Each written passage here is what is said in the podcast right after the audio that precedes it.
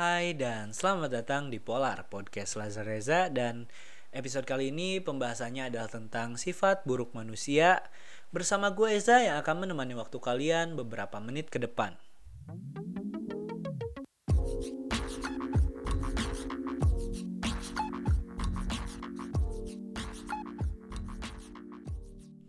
Hai, apa kabar? Ya, semoga masih baik-baik aja dan semoga akan selalu tetap baik-baik aja.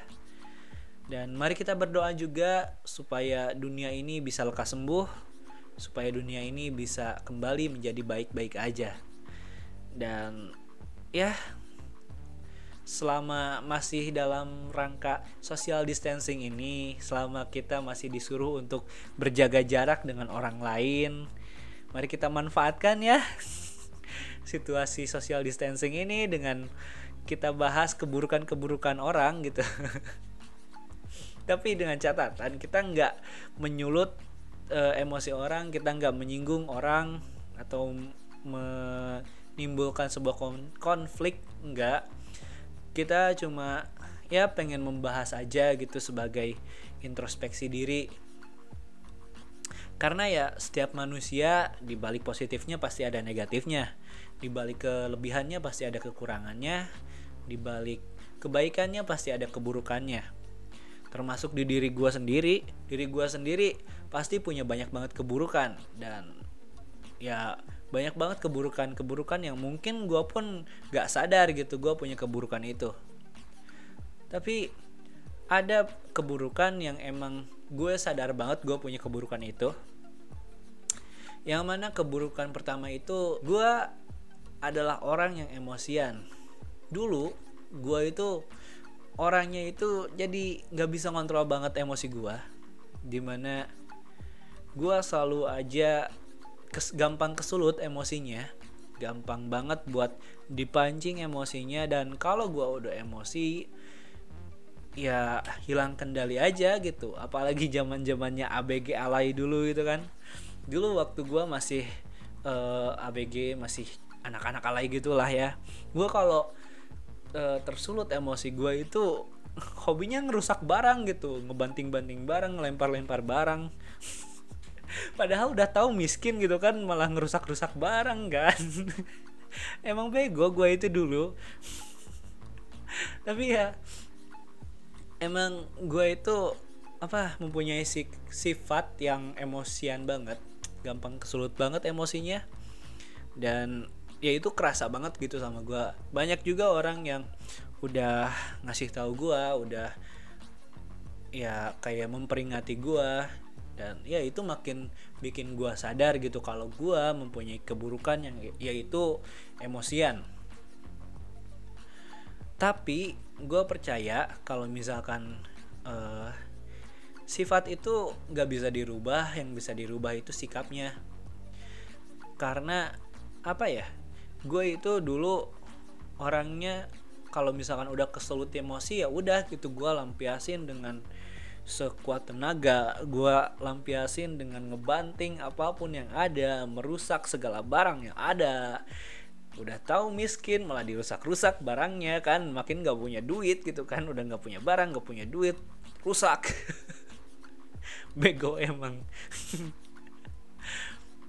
tapi ya makin dewasa gitu makin sadar juga gitu kalau misalkan sikap kayak gitu tuh salah. Makanya untuk sekarang-sekarang gue masih menjadi orang yang emang gampang kesulut emosinya tapi ya lebih bersikap ya lebih bisa menekan aja gitu nggak terlalu melampiaskan dengan kekesalan kayak gitu nggak.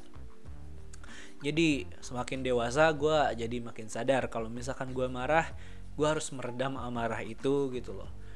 Semakin sedikit uh, hawa apa keburukan yang dikeluarkan dari amarah itu ya semakin bagus gitu. Jadi nggak usah banting-banting lagi barang nggak usah uh, apa sih kayak teriak-teriak gitu.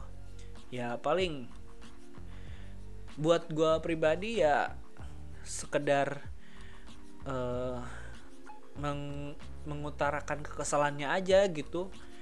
Ya paling parah sampai ngomong kasar kali kan.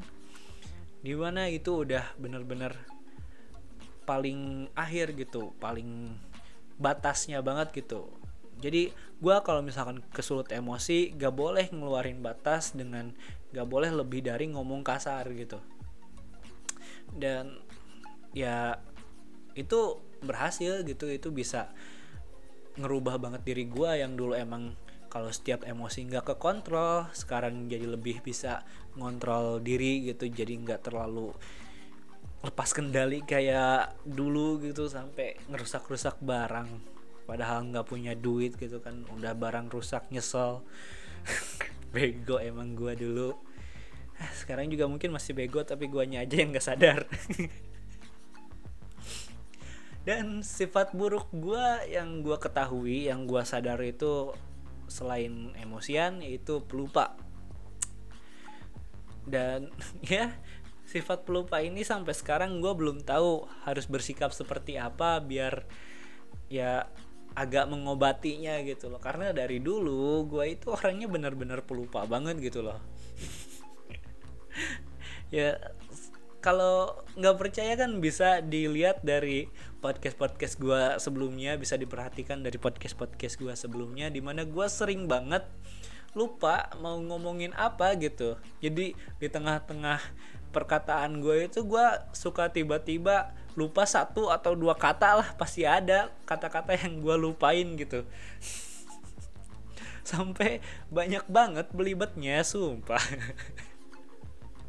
gue aja kesel sendiri gitu loh kesel sendiri. Kenapa gue di podcast podcast kemarin kebanyakan belibet gitu?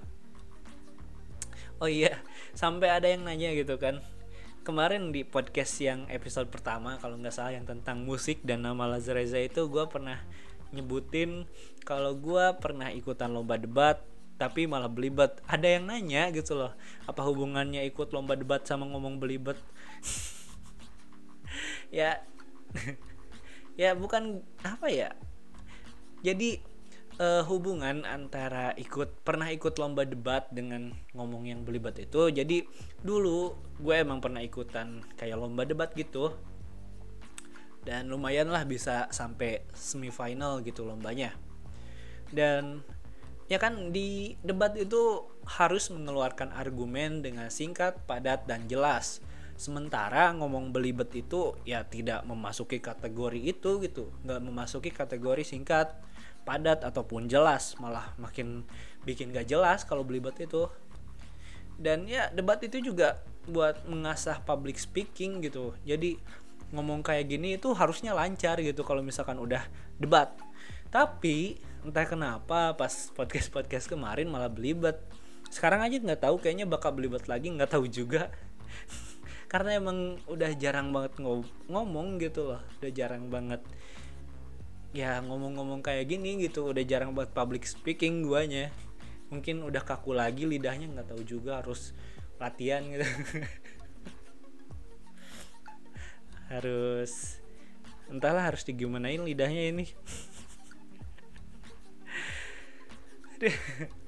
Ya balik lagi gitu kan ke pelupa ya jadi gue itu di podcast podcast kemarin suka gitu tiba-tiba lupa dengan mau ngomongin sebuah kata cuma satu kata doang yang kadang lupa gitu kata-katanya itu apa yang emang nggak sering juga buat diucapin.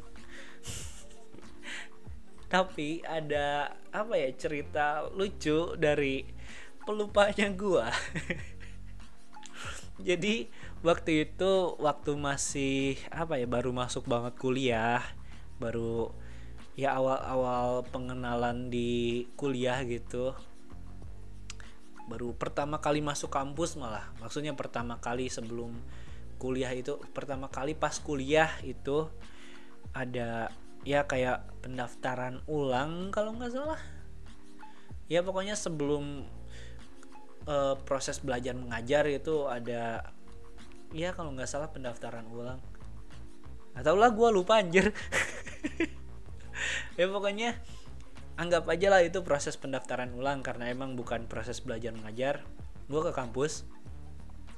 Dan di kampus itu gue ketemu salah seorang temen gue ya bukan temen sih waktu itu orang yang gak dikenal gitu. Dia nyamperin gua terus ngajak-ngajak ngobrol gitu dan kenalan lah kita di sana di kampus itu. Udah kenalan udah ngobrol-ngobrol dan uh, ada hal yang buat apa ada hal yang misahin kita gitu. Di sudah ngobrol-ngobrol itu kita sementara kepisah dulu. Karena emang ada acara apa gue juga nggak tahu. Tapi karena kita beda jurusan jadi kita harus kepisah dulu. Terus sudah acara apa ya sudah hal-hal itunya selesai 10 atau 15 menit itu ya 10 dari 15 menit acaranya itu ya kita ketemu lagi di tempat yang berbeda gitu. Gue sama orang yang baru gue kenal ini ketemu lagi di sebuah tempat yang beda. Dan dia dari jauh itu udah manggil nama gue gitu. Kan harusnya uh, sebagai manusia normal yang kalau dipanggil kita harus nyaut gitu kan apalagi kalau manggil nama kita nyautnya juga harus manggil namanya juga.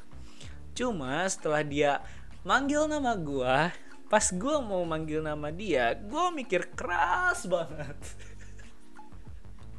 Gue mikir keras karena gue lupa nama orang yang udah kenalan sama gue 15 menit yang lalu. Itu saking pelupanya gue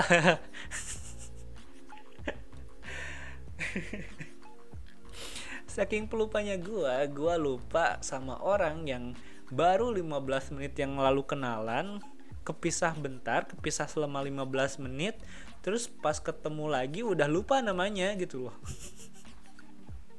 Tapi tapi sekarang ya udah inget lah karena udah beberapa kali ketemu juga gitu. Udah beberapa kali ngobrol juga.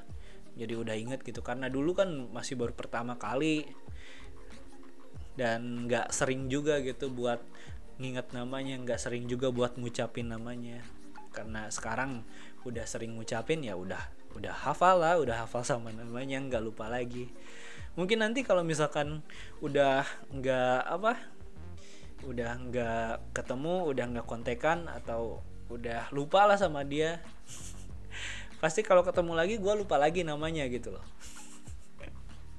Karena lupa sama nama temen itu gue udah kejadian berulang-ulang kali gitu nggak cuma sekali dua kali. Gue pernah ketemu sama uh, temen SMA gue dan temen SMA gue ini kerja di sebuah minimarket minimarket gitu. Minimarket kan ketahuan gitu kan namanya apaan dia kerja menjadi kasir jadi kasir di sebuah minimarket. Dan ya gue nggak sengaja belanja ke sana dan gue juga gak tahu kalau temen gue ini kerja di sana. Dan waktu gue belanja ke kasir terus datang ke kasir gitu buat bayar dia itu ngenalin gue gitu. Ya dia nyapa lah kayak biasa eh Eja gitu kan. Dan yang gue lakukan adalah mikir keras lagi karena gue lupa namanya siapa. Karena gue lupa siapa yang barusan aja manggil gua ini. Tapi kalau orangnya gua inget dia itu temen gua temen sekelas gua gua inget banget. Cuma gua lupa namanya doang gitu loh. Gua inget orangnya gua inget kepribadiannya gimana gua inget orangnya gimana cuma yang gua nggak inget namanya gitu. Jadi pas dua di, pas dia bilang eh Eja. Gue cuma bilang eh gitu doang udah. Nggak manggil namanya balik. Karena gue nggak tahu siapa namanya. Memang gue ada mungkin adalah contoh teman yang buruk ya. Karena kalau misalkan udah nggak ketemu lama dan udah jarang banget buat kontekan dan sampai nggak apa ya sampai jarang banget buat nginget namanya pasti gue lupa gitu akan namanya. Tapi buat orangnya sih enggak. Buat orangnya sikapnya atau ceritanya pasti gue inget banget gitu yang gue lupa cuma namanya doang. Mungkin gue juga gak inget gitu kan apa aja sih yang udah membuat gue lupa itu. Karena gue yang paling gue sadar itu gue sering lupa tentang nama terus tanggal gue sering lupa terus apalagi ya angka-angka gitu. Jadi kalau gue harus menghafal angka itu susah banget gitu harus bener-bener diulang diulang diulang selama beberapa kali baru bisa inget terhadap angka itu. Tapi ya seburuk-buruknya uh, sifat lupa gue gue nggak parah gitu nggak parah sampai kayak saudara gue dia lagi di tempat makan gitu. Dia cerita ke gua dia lagi di tempat makan. Terus pas dia mau kencing kali atau nggak tahu ke mana pokoknya waktu dia ninggalin meja tempat dia makan ini dia asal aja gitu ngebiarin HP-nya tergeletak di meja itu padahal ya lagi banyak orang gitu lagi banyak orang dan dia ngebiarin begitu aja HP-nya tergeletak. Terus pas dia udah keingetan ya udah gitu HP-nya udah ludes aja di bawah orang nggak tahu siapa. Nggak ya maksudnya separah parahnya pelupa gue gue nggak sampai uh, kayak gitulah. Cuma pernah tuh gue lagi ada di acara kampus seminar kalau nggak salah lagi ada di seminar di kampus gue lupa buat nyabut kunci motor gue jadi selama di seminar itu sekitaran berapa jam ya? Gue ngedengerin seminar itu. Pokoknya sekitaran beberapa jam itu gue ngebiarin kunci motor gue ada di motor gue gitu. Tapi ya untungnya nggak ada yang ngebawa gitu. Untungnya nggak ada yang ngebawa kabur motor gue jadi pas pas keluar dari ruangan gedung itu gue panik banget gitu kan. Nyari nyari kunci motor kagak ada gitu kan. Gue bolak balik ke gedung nggak ada. Terus ya nyusur jalan nggak ada. Sampai pas disuruh sama temen gue cek di motor kali aja kelupaan. Dan bener gitu loh kelupaan kuncinya masih ngegantung di motor. Dan ya itu sih untungnya nggak kenapa-napa motor gue tapi ya semoga aja ke depannya nggak nggak pelupa gitu. Soalnya gue masih belum menemukan cara gimana buat ya menghadapi sifat buruk gue yang pelupa ini gitu loh. Kan kalau e, menghadapi emosi gue udah tahu gitu sikapnya harus gimana. Tapi kalau buat menghadapi pelupa gue bener-bener masih yang nggak tahu harus gimana gitu buat menyikapinya gitu loh. Karena ya entah kenapa yang paling gue sebel dari gue itu gue orangnya pelupa banget gitu loh. Dan gue akan selalu berusaha gitu buat bisa mengenali diri gue sendiri. Karena dengan mengenali diri gue sendiri ya gue tahu tentang gimana gue maksudnya kan dengan gue mengenali diri sendiri gue tahu gue orangnya emosian gue orang gue tahu gue orangnya pelupa dan gue masih pengen mengenal lagi diri gue sendiri gitu. Orangnya gue itu sebenarnya orangnya gimana sih? Karena ya dengan gue mengenal diri sendiri ya itu yang membuat gue bisa berdamai dengan kekurangan-kekurangan gue dengan gue mengenal dan gue sadar kalau gue adalah orang yang uh, emosian maka gue sadar gue harus bersikap kayak gimana saat gue udah emosi. Dan saat gue sadar kalau gue adalah orang yang pelupa gue harusnya harusnya ya harusnya udah tahu bagaimana cara bersikap saat gue lupa. Tapi gue gue pun sampai sekarang belum tahu gimana caranya menyikapi apa ya sifat lupa itu gitu loh. Susah banget tapi ya buat gue kalau buat kalian yang pengen berdamai dengan keburukan dari diri sendiri ya coba dulu kenali diri kalian lebih dalam lagi. Apa aja sih kekurangan kalian? Apa aja sih yang membuat kekurangan kalian ini muncul? Dan dengan kalian sadar kalau kalian punya kekurangan dan tahu harus bagaimana untuk menyikapi kekurangan itu ya artinya kalian udah bisa berdamai dengan diri kalian sendiri. Dan jika udah berdamai dengan diri sendiri kalian pun pasti akan dihadapkan dengan uh, harus berdamai dengan ya keburukan orang lain. Karena banyak juga gitu orang-orang yang apa dampak dari keburukan dirinya itu ke orang lain gitu loh. Specifically buat orang lain ada malah. Kayak apa ya sering ngutang tapi jarang bayar gitu kan. Kan itu dampaknya cuma buat orang lain gitu kan. Itu sih temen kampret gitu kan sering ngutang tapi jarang bayar. Malah lebih galak dia kalau misalkan ditagih hutangnya.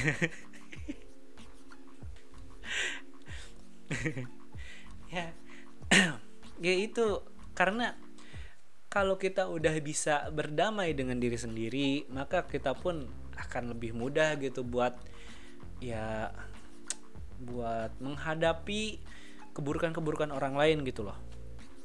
Karena banyak banget keburukan-keburukan orang yang seperti tadi gue bilang yang dampaknya itu bukan ke dirinya tapi dampaknya itu ke orang lain ada orang yang emosi tapi nggak kayak gue melampiasinya ke barang melampiasinya melampiasinya ke diri sendiri. Ada orang yang emosi tapi ngelampiasinya ke orang lain. Dia teriak-teriak ke orang lain dia main fisik ke orang lain kayak nonjok atau ngegampar atau apa pun itulah. Ya orang-orang kayak gitu akan ada gitu di sekitaran kita. Akan ada orang-orang yang sifat buruknya itu berdampaknya bukan sama dia tapi sama orang lain juga. Dan sebenarnya cara menyikapi keburukan orang itu uh, simple. Ter tergolong simple sih buat menyikapi keburukan orang lain. Akan selalu ada dua pilihan untuk menyikapi uh, sikap orang lain atau sifat orang lain, terutama sifat buruk orang lain. Jadi kalau lo ketemu orang-orang yang menurut lo sifatnya uh, buruk gitu, ya akan selalu ada dua pilihan ini, yaitu lo diem dan uh, menghadapi sifat buruk itu, tapi diem dalam apa kata-kata ini itu maksud gue itu bukan diam yang cuma diam gak ngapa-ngapain bukan gitu. Maksudnya diam bertahan dengan dia gitu kalau misalkan temen lu atau pasangan lu atau siapa pun itu yang lagi ngeluarin uh, sifat buruknya dia dan lu merasa bisa untuk menahan atau enggak membuat temen atau pasangan atau siapa pun itu menjadi perasaannya lebih baik lagi ya udah lu diem gitu bareng dia dan lu bikin dia jadi lebih baik lagi gitu perasaannya. Dan ya itu pun kalau lu bisa menghadapi sifat dia itu gitu loh.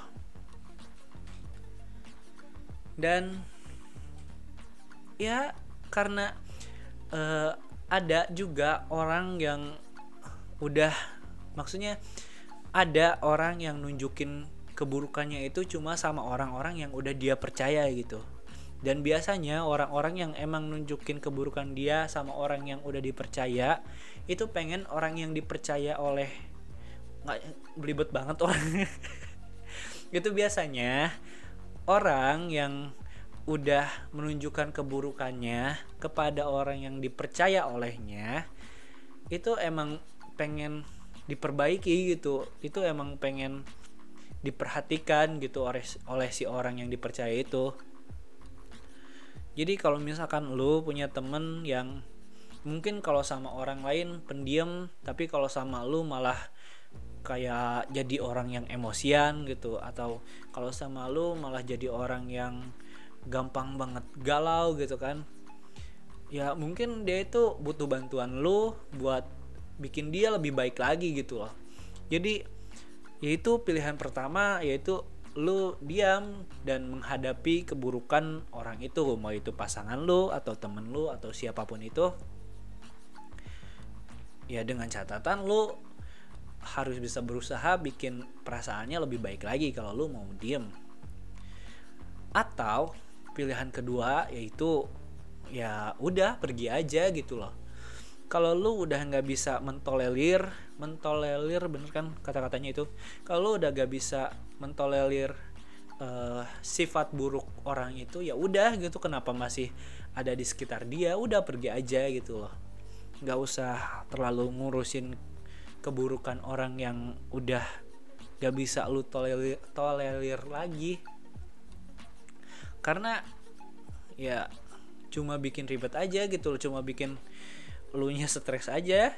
Keburukan orang yang lu pikirin tapi lu bik apa malah bikin apa sih? Kan ada kata-kata yang gue lupa lagi. Kampret.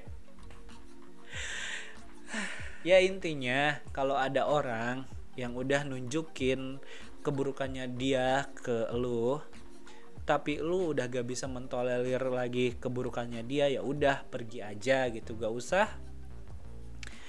apa ya gak usah terus-terusan diem sama dia gak usah terus-terusan berada di satu circle yang sama sama dia. Udah biarin dia bersama keburukannya dan lu udah lepas aja gitu dari keburukan dia yang emang lu nggak terima banget yang emang lu gak bisa tolerir banget. Dan ya mungkin segitu aja sih dari gua mungkin penyikapan dari ya harus berdamai. Intinya lu harus berdamai dengan diri sendiri untuk bisa mentolerir hal-hal buruk yang ada di diri lu. Karena buat gua sifat itu gak bisa dirubah tapi sikapnya bisa. Gue gak bisa merubah sifat gue yang emosian tapi gue bisa merubah sikap gue di mana dulu gue itu orangnya kalau misalkan udah kesulut emosi langsung ya mecah-mecahin barang gitu kan. Bukan mecah-mecahin sih nggak sampai mecah-mecahin. Yang ngerusak ngerusakin barang ya barang gue sendiri gitu loh. Nggak sampai barang orang lain juga itu ngerugiin orang lain kasihan. Maksudnya ya gue ngelempar pernah gitu kan gue itu sampai ngelempar HP kalau nggak salah. Tapi untung HP-nya kuat. Nggak HP-nya sih casingnya yang kuat untung aja pakai casing apa sih silikon gitu kan jadi nggak terlalu dapet tekanan nggak terlalu bikin HP-nya rusak Iya, nggak usah, nggak usah di. ya emang gue bego, nggak usah di. iya tapi kan ya gue udah merubah sikapnya di mana gue kalau udah kesulut emosi ya seburuk-buruknya yaitu ngomong kasar gitu loh. Ya. Apalagi kalau gue cuma ya melampiaskannya itu nggak sampai ngomong kasar itu pun udah ini banget itu loh udah hebat banget menurut gue karena gue ngerasa emang gue nggak bisa ngilangin sifat emosian gue itu. Cuma ya gue bisa meredam dengan sikap gue dan ya cara buat bisa gitu ya itu berdamai gitu. Cara berdamainya lu harus mengenali diri lu sendiri lu harus menyadari kekurangan kekurangan lu itu. Dan ya jangan biarkan kekurangan lu itu ya menggantikan kelebihan lu gitu. Di mana uh, setiap lu ngerasa kekurangan lu muncul lu harus udah sadar gitu. Saat lu udah sadar lu harus ngeluarin sikap yang benar dari kekurangan itu gitu loh. Ya mungkin gue bakal ngasih contoh di mana kayak gue ini kan orangnya emosian. Saat gue saat apa saat gue ngerasa emosi gue itu harus sadar kalau gue emosi. Dan saat gue sadar kalau gue emosi gue harus segera melakukan sikap yang benar untuk meredam emosi itu gitu loh. Kalau penjelasan sebelumnya kurang ketangkep. Dan ya sudah lu bisa berdamai dengan diri lu sendiri maka lu bakal lebih gampang gitu buat uh, menghadapi keburukan orang lain. Di mana ya emang simple banget gitu cuma ada dua pilihan di mana lu bertahan dengan keburukan orang itu atau lu pergi. Ya itu pilihan tergantung lu karena emang hidup itu tentang pilihan gitu jangan ya gue ngomong kayak gini emang gampang gitu tapi gue ngerasain sendiri pasti prakteknya susah gitu di mana saat ketemu orang yang udah ngeluarin sifat-sifat buruknya di mana gue udah gak bisa mentolerir tapi gue juga gak bisa pergi dari dia karena satu dan lain alasan mungkin karena dia orang yang sering nongkrong orang yang sering baik sama gue cuma kalau misalkan dia lagi ngeluarin keburukannya ya emang kacau banget gitu dan ya harus bisa memilih aja gitu buat gue kalau buat gue dan ya begitu aja sih kalau misalkan dari gue cuma sebelum selesai gue itu sempat kemarin maksudnya kemarin gue sempat bikin kayak ya tanya jawab gitu di Instagram story gue yang tumben-tumbenan gitu kan gue nanyanya tentang apa sih keburukan orang yang kalian gak suka gitu kan? Dan tumben-tumbenan yang balas banyak gitu loh tumben-tumbenan banget gitu. Tapi gue itu apa ngerasa iri gitu loh. Suka ngerasa iri dengan kebanyakan sih cewek gitu cewek-cewek yang kalau misalkan uh, bikin tanya jawab kayak gitu kan cuma cuma apa cuma nulis gabut nih terus ada sesi tanya jawab itu banyak banget yang respon. Gue ngiri gitu kalau gue gitu kan uh, bikin gabut. Gang kagak ada. Kagak ada yang respon sama sekali gitu loh. Udah kosong. Kayak dompet lu sekarang. Kosong. Iya gue gue suka iri banget gitu sama cewek-cewek ya kebanyakan cewek sih yang gua kenal. Cewek-cewek yang kalau bikin sesi tanya jawab di Instagram story itu cuma nulis gabut doang banyak yang respon. Sedangkan gua kalau nulis kayak gitu kagak ada yang respon anjir. Ngiri sumpah ngiri. Tapi saat gua bikin ya tanya jawab dengan tulisan apa keburukan orang yang kamu gak suka? itu banyak banget yang respon anjir kayaknya uh, apa teman-teman gue yang ngefollow Instagram gue pada kesel pada punya rasa kesel gitu sama seseorang nggak tahu juga. Tapi ya intinya gue kemarin bikin tanya jawab gitu di Instagram story gue dan gue pengen bacain respon-respon dari teman-teman gue yang banyak yang ya bisa dibilang apa ya ngeresponnya itu emang pakai hati gitu. Ya jadi kita bakal bahas bahas-bahas keburukan orang lain. Apa? Bahas-bahas apa yang enggak apa sih? Gue pengen ngomong apaan tadi? Ya sekarang kita bakal ngebacain gitu apa sih keburukan keburukan yang orang lain gak suka gitu ada yang bilang dia nggak suka kalau ada orang yang merasa dirinya paling benar padahal di balik itu banyak orang yang nggak suka dia. Ya mungkin ini termasuknya ke egois kali ya. Ya apa ya? Kalau sifat egois itu ya hampir semua orang juga punya. Semua orang punya uh, rasa ego cuma ya yang membedakan itu cuma tingkat egonya dia setinggi apa gitu loh. Ada yang memang ego banget ada yang memang egonya bisa dikalahin sama ya hati nuraninya dia gitu loh. Ya mungkin dalam kasusnya orang pertama yang gue bacain ini ya ketemu sama orang yang memang apa ya sifat egonya itu tinggi banget di mana dia merasa paling benar padahal di belakangnya banyak orang yang ngebenci dia gitu loh. Ya biasanya orang kayak gini itu udah egois dan ya cuek gitu. Dia nggak nggak mikirin apa kata orang lain gitu. Dia cuma ya udah hidup hidup gue gitu loh. Nggak mau nggak mau peduli sama orang lain. Gue kayak gini orang lain mau nerima ya udah.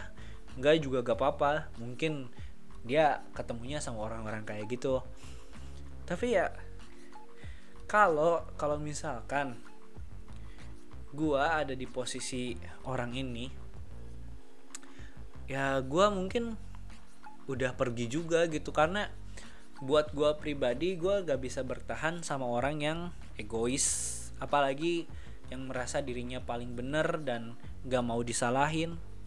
Dan apalagi sampai dibenci orang banyak gitu loh di belakangnya dan, gue pun kayaknya nggak bakal betah gitu bergaul dengan orang yang kayak gitu. Mungkin gitu nggak tahu juga kan. Karena sampai sekarang temen gue dikit gitu. Temen gue dikit dan dari temen gue yang dikit ini kayaknya nggak ada gitu orang yang kayak gini. Mungkin temen yang udah lama gitu kan nggak tahu juga. Pura-pura nggak tahu aja gue mah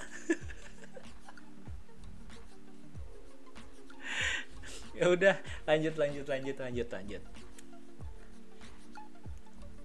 Uh, ada orang ini bilang dia nggak suka sama orang yang ngabegal. Apaan ngabegal sih? Ngabegal apaan? Sumpah ini ya tulisannya ngabegal suka julid suka ngomong di belakang dan suka jahat. Diborong banget ini keburukannya ya sih banyak orang-orang yang apa ya suka bercanda berlebihan gitu. Sampai ya yes, julid banget gitu kan. Gue juga belum terlalu paham arti ja, arti dari julid yang ya orang-orang tahu itu gimana. Cuma menurut gua julid orang yang julid itu orang yang sering bercanda tapi bercandanya berlebihan. Bercandanya biasanya sampai bikin sakit hati gitu kan. Bercandanya uh, yang lucu tapi cuma buat dia doang gitu lucunya. Tapi buat or buat orang yang dibercandain itu merasa kesinggung atau sakit hati apa gimana. Dan apalagi tadi? Suka ngomongin di belakang. Kita ini lagi ngomongin keburukan orang di belakang kan ya?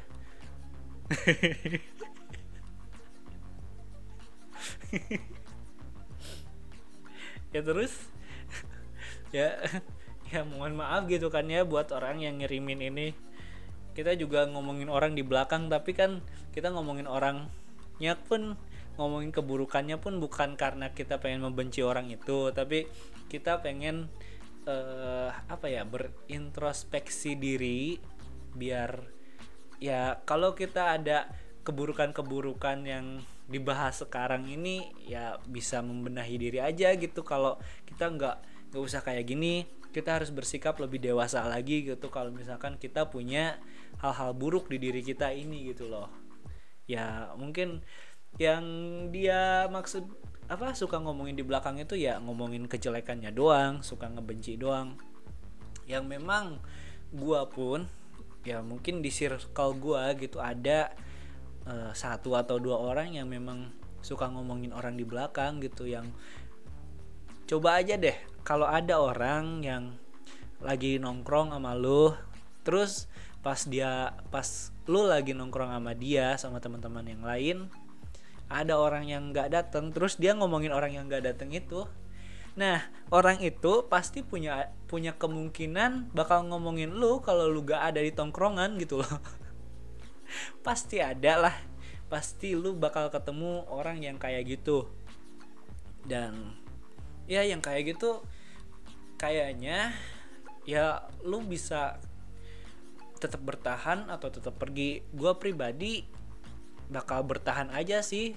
Mungkin sedikit demi sedikit ngebilangin dia kalau nggak usah ngomongin orang lain atas keburukannya terus. Gak usah juga memprovokasi orang lain agar membenci orang yang sama gitu dari apa yang udah dia obrolin. Ya itu pilihan gue sih pilihan gue ya gitu masih buat bertahan dan ya udah gitu bikin keburukannya dia dikit semi de,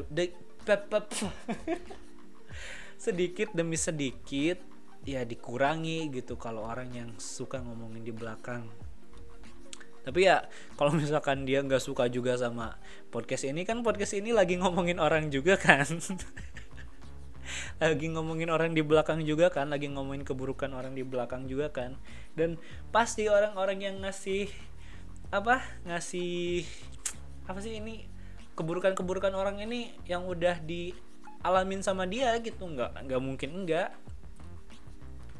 contoh gue kalau misalkan uh, ditanya gitu uh, keburukan orang apa yang gue gak suka ya gue bakal jawab atas dasar apa yang udah gue alami gitu. Atas dasar orang orang-orang yang udah menunjukkan keburukannya dia kepada gue gitu.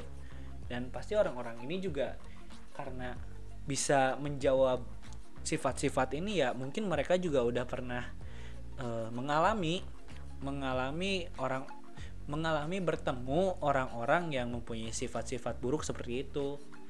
Dan ya ini dia bilang suka ngomong di belakang dan kita kan ngomong di belakang juga. Dari awal gue udah bilang konteksnya agar kita bisa berintrospeksi diri ya biar kita nggak terlalu terbawa ke dalam zona keburukan agar kita bisa bersikap lebih dewasa lagi dalam ya melaku bukan melakukan sih masa melakukan keburukan. Maksudnya saat kita udah mengeluarkan sifat buruk kita ya kita harus bersikap lebih baik gitu lebih dewasa. Ya semacam itulah ya. Dan ada lagi yang bilang dia nggak suka sama orang yang kepoan. Orang kepo biasanya orang yang pengen tahu lebih jauh tentang ya segala apa pun itu. Tapi ya memang ada orang yang sama yang lain kepo tapi sama satu hal eh sama yang lain gak kepo tapi sama satu hal kepo. Ada orang juga yang emang sama segalanya kepo gitu kepo terhadap segala hal. Kalau misalkan dia kepo atau kepoannya cuma sama lu doang tapi sama yang lain dia cuek atau ya sama yang lain dia nggak pernah nanya-nanya atau kepo ke orang lain. Tapi ke lu kepo ya itu artinya dia ada sesuatu gitu. Kalau nggak dia suka dia tertarik sama lu dan dia pengen kenal lu lebih jauh ya orang-orang yang kepo ke lu ya itu bisa jadi seperti itu. Cuma kalau emang dia kepo dalam apa ya emang orangnya banyak tahu ya biasanya dia dididik sama orang tuanya kayak gitu gitu loh. Jadi dia dididik untuk harus bisa selalu mencari tahu apa yang belum dia tahu. Ya kalau gua pribadi akan ya tetap ada gitu tetap uh, tetap diam dan menghadapi kekepoan itu yang meskipun kalau misalkan dia keponya berlebihan itu ngeselin. Tahu gua juga pernah ngerasain di mana mana gue kan pernah gitu gue pernah bekerja sebagai uh, mentor les private gitu. Dan ya uh, orang yang gue ajarin ini dia banyak tanya banget gitu loh. Dia banyak tanya tentang pelajaran dan sampai uh, di luar pelajaran pun ditanya gitu di luar pelajaran pun dikepoin. Maksudnya udah keluar dari pembahasan pun ditanyain gitu. Dan gue ngerasain keselnya itu. Cuma ya mungkin karena kewajiban juga sebagai pengajar gue harus ya tetap menjawab apa yang dia tanyakan. Kalau misalkan yang gue gak tahu mungkin ya gue kasih jawaban sementara aja atau nyuruh dia nyari tahu ke tempat lain seperti Google gitu kan.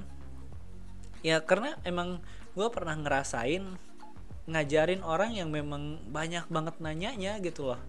Jadi gue ngejelasin tentang contoh aja ini contoh. Gue ngejelasin tentang dua kali dua sama dengan empat.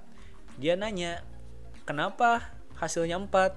Kenapa dikali? Kenapa duanya ada dua? Kenapa bisa jadi empat? Kenapa sama kayak dua tambah dua? Dan ya seperti itu. Ya jadi dia banyak nanya terus nanya lagi nanya lagi nanya lagi. Tapi ya gue sadar keselnya itu gimana. Tapi ya kalau gue ada di posisi harus berhadapan dengan orang yang kepoan ya gue bakal menghadapi itu gitu. Nggak nggak bakal uh, pergi. Maksudnya gue masih bisa mentolerir. Tapi kalau lu ya itu terserah lu gitu kan. Kalau lu merasa nggak pengen dikepoin lu merasa emang kesel terus-terusan ditanya-tanya ya udah tinggalin aja gitu loh ya udah gitu nggak usah e, ngeladenin lagi cukup dicuekin aja. Gitu. Yuk lanjut. Ada satu dua tiga. Ada empat orang. Ada empat orang yang merespon dengan mereka nggak suka sama orang yang berkhianat atau orang pengkhianat. Ya gue juga nggak suka. Gue pernah punya cerita di mana waktu itu waktu ya masih uh, zaman zamannya anak SMP ya gue masih SMP waktu itu. Waktu SMP gue punya uh, temen les gitu punya temen bimbingan belajar dan ya gue cukup dekat gitu sama temen gue ini yang di mana dekatnya itu gue sampai ya kalau misalkan uh, udah jadwalnya les gue ngejemput dia terus kalau udah pulang gue nganterin dia balik gitu. Dan ya udah gitu kita sering nongkrong bareng ngobrol-ngobrol sama teman-teman yang lain juga. Dia sering nebeng ke gue maksudnya gitu loh dan di suatu hari ada uh, satu orang cewek yang tiba-tiba ngechat gue di Facebook. Dan ya gue ter gue pun agak tertarik gitu sama cewek ini. Dan karena gue waktu itu emang belum tahu ya maksudnya masih butuh pendapat ya gue cerita gitu ke temen uh, les gue ini ke teman bimbingan belajar gue ini gue cerita kalau gue ada yang ngechat nih cewek gue bingung harus bersikap kayak gimana. Dan ya udah gitu kan uh, dia teman gue ini bilang pengen ngebantuin gue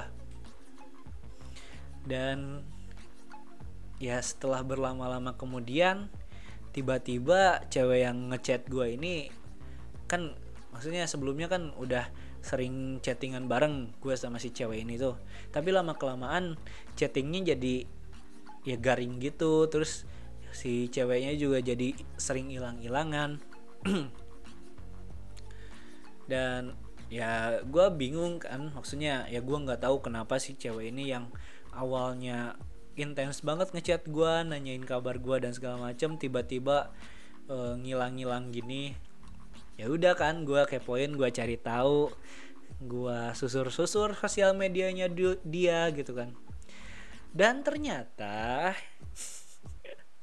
si cewek ini udah jadian sama seorang cowok yang ternyata cowok itu adalah orang yang gue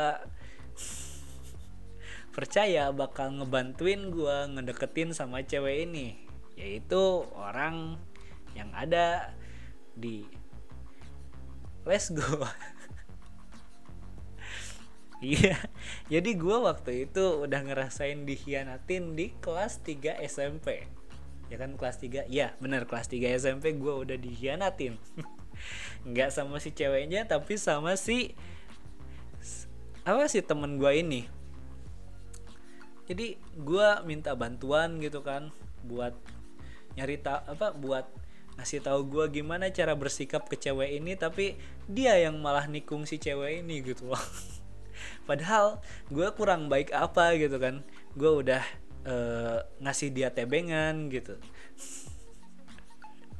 Gue udah sering dengerin curhatannya dia tapi saat gue curhat tentang cewek dia malah nikung cewek itu. Dan ya mungkin sekarang gue gak tahu apakah gue sama dia itu masih temenan apa enggak soalnya dari sono udah mulai apa udah diem dieman banget gitu kan. Tapi ya gue juga nggak suka gitu sama orang yang emang pengkhianat. Dan ya kalau gue pribadi gue bakal milih buat ya udah tinggalin aja gitu. Ya udah pergi aja nggak usah nggak usah berada di circle sama orang yang emang pengkhianat. Kalau emang apa ya kalau emang dia temen gitu kan nggak mungkin lah dia sampai jadian sama cewek yang diminta buat ya cuma cuma sekedar pengen ngasih tahu gua gimana cara ngedeketin yang bener gimana cara bersikap yang bener tapi malah ditikung gitu. Sungguh itu cerita pengkhianatan pertama kali gue maksudnya cerita gua dikhianati pertama kali gua nggak pernah berkhianat nggak apaan berkhianat? Gue orangnya baik gitu kan. Ganteng ramah rajin menabung. Ya ya udah. Ya intinya ya udah gitu kan. Yang namanya pengkhianat kalau buat gue udah nggak usah dikasih toleransi lagi ya udah tinggalin aja gitu. Nggak usah ada di circle yang deket dengan orang-orang pengkhianat kayak gitu ya buat empat orang yang ngirim bilang nggak suka dengan orang yang berkhianat. Oke lanjut nyari lagi yang memang oh ini. Dia nggak suka sama orang yang bermuka dua. Ya mungkin bisa dibilang hipokrit. Ya kan? Ya kan istilahnya hipokrit kan di mana kalau misalkan di depan dia baik di belakang dia beda lagi. Dan ya itu tergantung segimana parahnya dia sih. Ya mungkin kalau misalkan muka duanya kayak temen gue itu yang di mana di depan gue dia kayak bener-bener pengen ngebantuin gue gitu kan. Tapi ujung-ujungnya dia malah punya niatan buat nikung gue ya kalau yang kayak gitu udah tinggalin aja karena itu udah masuk ke pengkhianatan. Cuma kalau ya dia nggak terlalu parah kayak gimana ya contohnya ya? Emang ada gitu yang muka dua yang gak terlalu parah? Ya maksudnya kalau misalkan orang yang bermuka dua tapi cuma sekedar jaga image doang ya itu tergantung tingkat kesabaran kalian. Kalau kalian bisa sabar dengan orang-orang yang cuma jaga image aja gitu ya udah tetap hadapi aja sifatnya itu gitu loh. Ya kalau bisa bikin dia jadi lebih baik aja gitu jangan terus-terusan bermuka dua capek gitu kan. Harus berperan berbeda-beda di berbagai tempat gitu. Tapi ya kalau misalkan bermuka duanya kayak temen gua sampai punya niatan buat berkhianat ya udah tinggalin aja gitu buat apa gitu? Masih ada di circle yang sama dengan pengkhianat gitu? Ya udah kalau buat gua pengkhianat itu nggak usah dikasih kesempatan nggak usah dikasih toleransi ya udah. Biar lu nggak dikhianatin lagi karena kata gua juga uh, sifat gak bisa dirubah tapi sikap bisa. Dan menurut gua pengkhianatan itu adalah salah satu sifat yang memang nggak bisa dirubah. Kalau misalkan dia udah uh, pernah melakukan pengkhianatan ya mungkin dia pernah dia akan punya pemikiran buat berkhianat lagi ke depannya. Atau mungkin kalau misalkan dia bisa sadar nggak tahu juga memang ada gitu pengkhianat yang sadar. Sampai sekarang aja temen gue nggak pernah minta maaf gitu kan.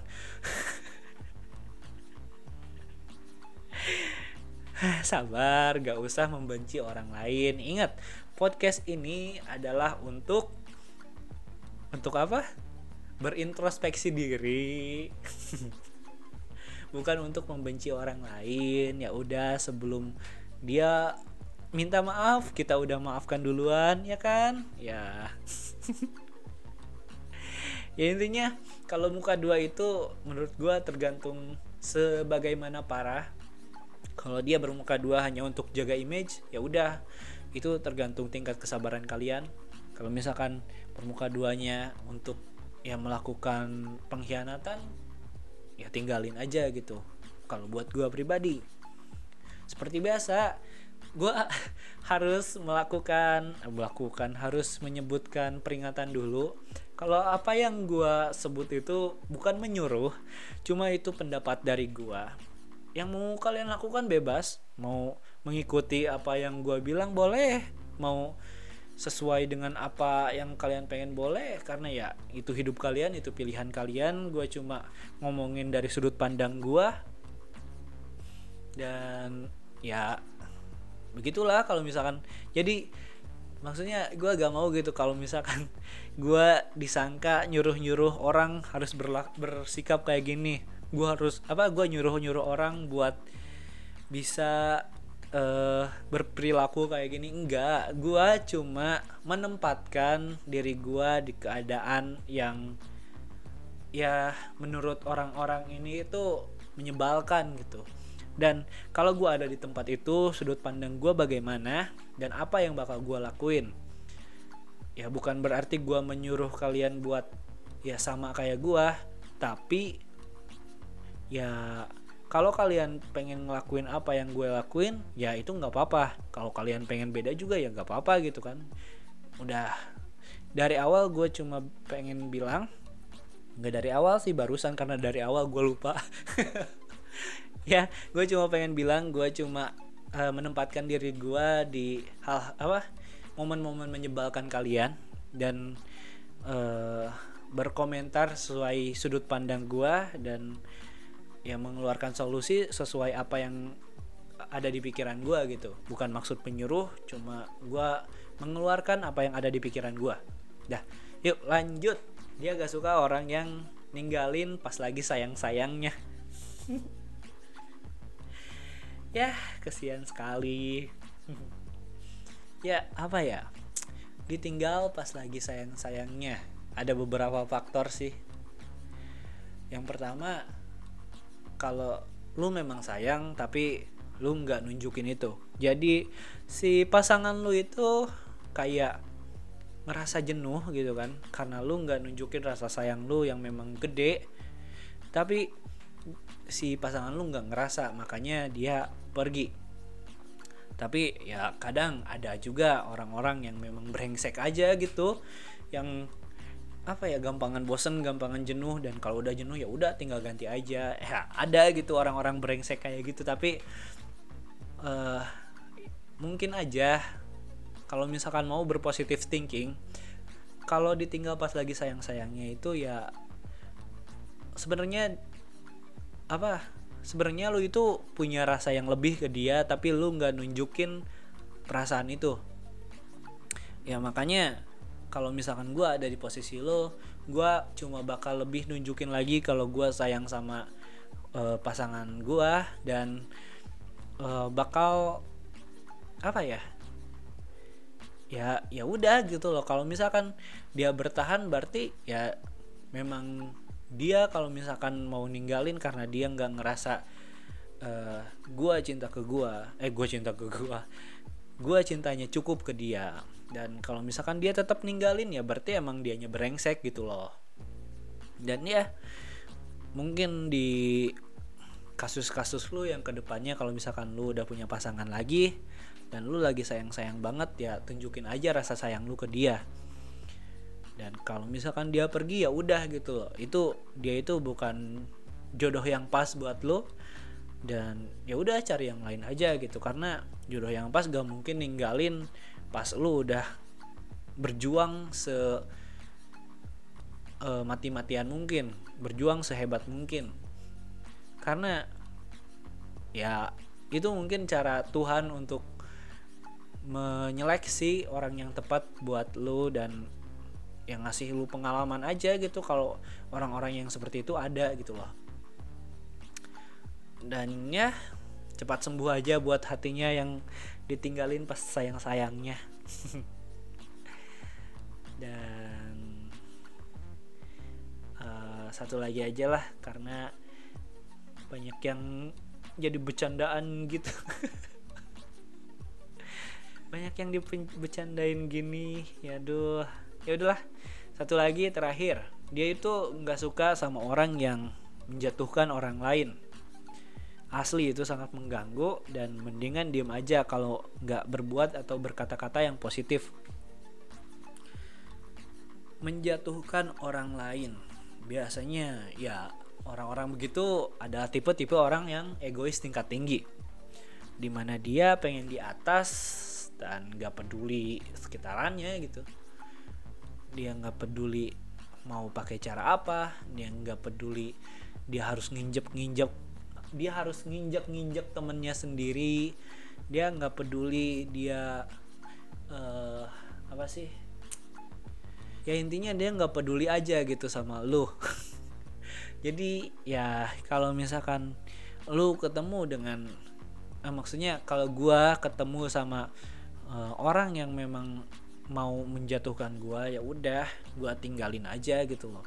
Karena pasti udah kelihatan dari awal-awal juga kalau misalkan dia pengen menjatuhkan karena memang biasanya orang-orang egois itu ya lebih gampang kelihatan aja gitu.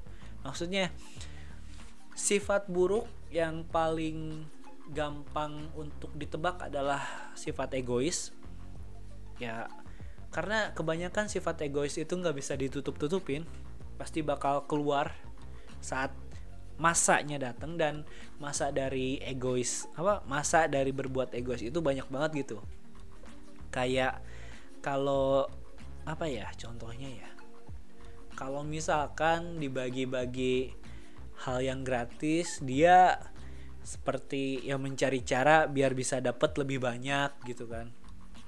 Terus biasanya orang-orang egois juga lebih kompetitif orangnya di mana dia gak mau kalah dan ya intinya gampang banget gitu loh buat nyari tahu orang egois itu bagaimana. Dan ya kalau misalkan udah kelihatan sampai pengen menjatuhkan ya udah pergi aja dari circle-nya dia. Biarin dia dengan keegoisannya sendiri. Biarin orang egois merasakan uh, sakitnya ditinggal sendiri gitu. Karena ya mereka ngerasa mereka bisa hidup sendiri padahal enggak gitu. Karena manusia itu harus bersosialisasi dan dengan egois dia menjauhkan sosial itu gitu loh. Dan ya kalau gua ada di posisi apa punya orang apa di dekat dengan orang-orang yang memang menjatuhkan ya udah.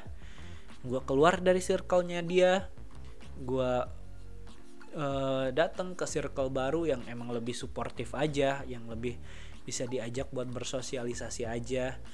Setidaknya kalau misalkan ada orang egois pun nggak sampai egois yang pengen menjatuhkan orang gitu. Karena ya buat gue itu sifat yang buruk banget kalau sampai egois lu itu bisa. Oh bisa sih?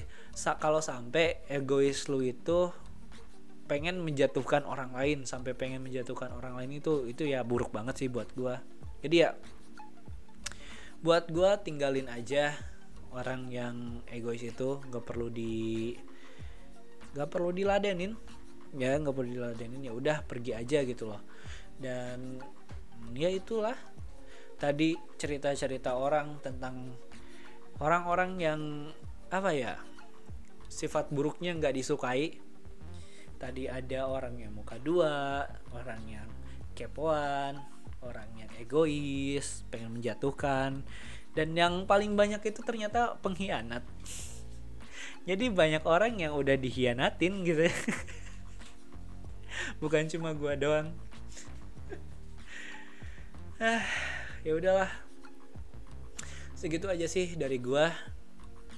Sekali lagi gua tadi cuma pengen ngobrolin doang tentang ya keburukan-keburukan untuk berintrospeksi diri. Karena setiap orang pasti punya keburukan dan kalau kalian merasa nggak punya keburukan mungkin kalian belum sadar akan keburukan kalian. Ya lebih kenali diri kalian aja. Karena ya dengan kalian bisa mengenali diri sendiri kalian bisa tahu keburukan kalian apa dan kalian bisa tahu cara menyikapi keburukan kalian itu agar ya nggak terlalu parah.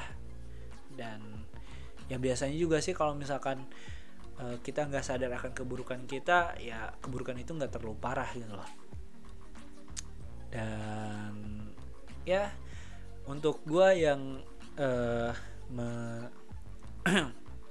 untuk gue tadi bukannya gue pengen mengatur-ngatur hidup seseorang tapi gue pengen apa ya ngasih sudut pandang gue aja. Gimana kalau ada gimana kalau gue ada di posisi mereka yang mempunyai teman dengan ya keburukan-keburukan tersebut apa yang pengen gue lakuin. Dan ya gue udah ngasih tahu kalau buat berdamai dengan keburukan orang lain itu lebih simpel. Di mana cuma ada dua pilihan yaitu diam dan bertahan atau diam bertahan dan menghadapi atau ya udah pergi aja gitu. Dan kalau emang sampai tadi ada yang bilang uh, egois terus berkhianat terus menjatuhkan ya udah. Kalau buat gue itu ya udah tinggalin aja gitu nggak usah dikasih toleransi. Tapi kalau yang uh, apa kayak kepoan doang atau apa sih? Tadi tuh lupa lagi muka dua gitu ya kalau misalkan nggak terlalu bikin uh, nimbulin kerugian ya udah uh, tetap diem aja dan hadapi. Tapi ya kalau memang sampai udah nggak bisa ditoleransi ya udah sama aja gitu. Mau pergi pergi aja nggak ada yang ngatur. Mau gimana juga. Gue cuma menuangkan bukan menuangkan sih memberitahu apa yang bakal gue lakuin bagaimana sudut pandang gue terhadap masalah itu dan ya begitu aja sih podcast kali ini yang mungkin panjang berapa jam ini? Satu jam 9 menit 10 menit malah. Satu jam 10 menit. Ya nggak tahu juga sih nanti bakal dikat cut kayaknya banyak banget belibetnya tadi. Bukan belibet sih banyak banget kata-kata yang gue lupa. Udah gue bilang gue itu orangnya pelupa. Bahkan di tengah-tengah gue ngomong suka lupa terhadap salah satu kata gitu. Dan ya mungkin nanti diedit-edit lagi nggak tahu lah bakal jadi berapa menit. Tapi ya Terima kasih buat yang udah dengerin. Terima kasih buat yang udah ngejadiin gue temen ngobrol kalian, temen nongkrong kalian, temen kerja kalian, atau temen gabut kalian. Ya, terima kasih. Dan kalau kalian pengen cerita atau punya cerita atau punya sebuah curhatan, ya bisa dikirim ke sosial media gue di @lazareza bisa kirim ke Instagram atau ke Twitter karena itu sosmed yang paling sering gue pakai dan ataupun kalau misalkan ceritanya panjang dan pengen dikirim lewat email juga boleh. Ada email gua yaitu thisislazereza at gmail.com dan ya segitu aja sih dari gua. Kalau kalian nonton ini di YouTube klik like kalau misalkan kalian suka. Klik subscribe kalau kalian pengen tahu ke depannya gue bakal bikin konten apa lagi. Dan kalau kalian dengerin ini di Spotify boleh klik follow aja buat nungguin gue gitu kan. Kalau misalkan gue bakal bikin podcast podcast yang lainnya juga. Dan klik share mau itu di YouTube atau di Spotify. Karena share kalian itu sangat banget membantu gue untuk menyemangati gue dalam membuat konten. Dan ya kalau kalian pengen komentar tentang apa pun itu bebas boleh klik di kolom komentar di bawah kalau kalian di YouTube. Kalau kalian di Spotify kirim aja komentarnya ke Instagram atau ke Twitter gua @lazareza. Dan ya sampai jumpa. Gua Lazareza pamit. Bye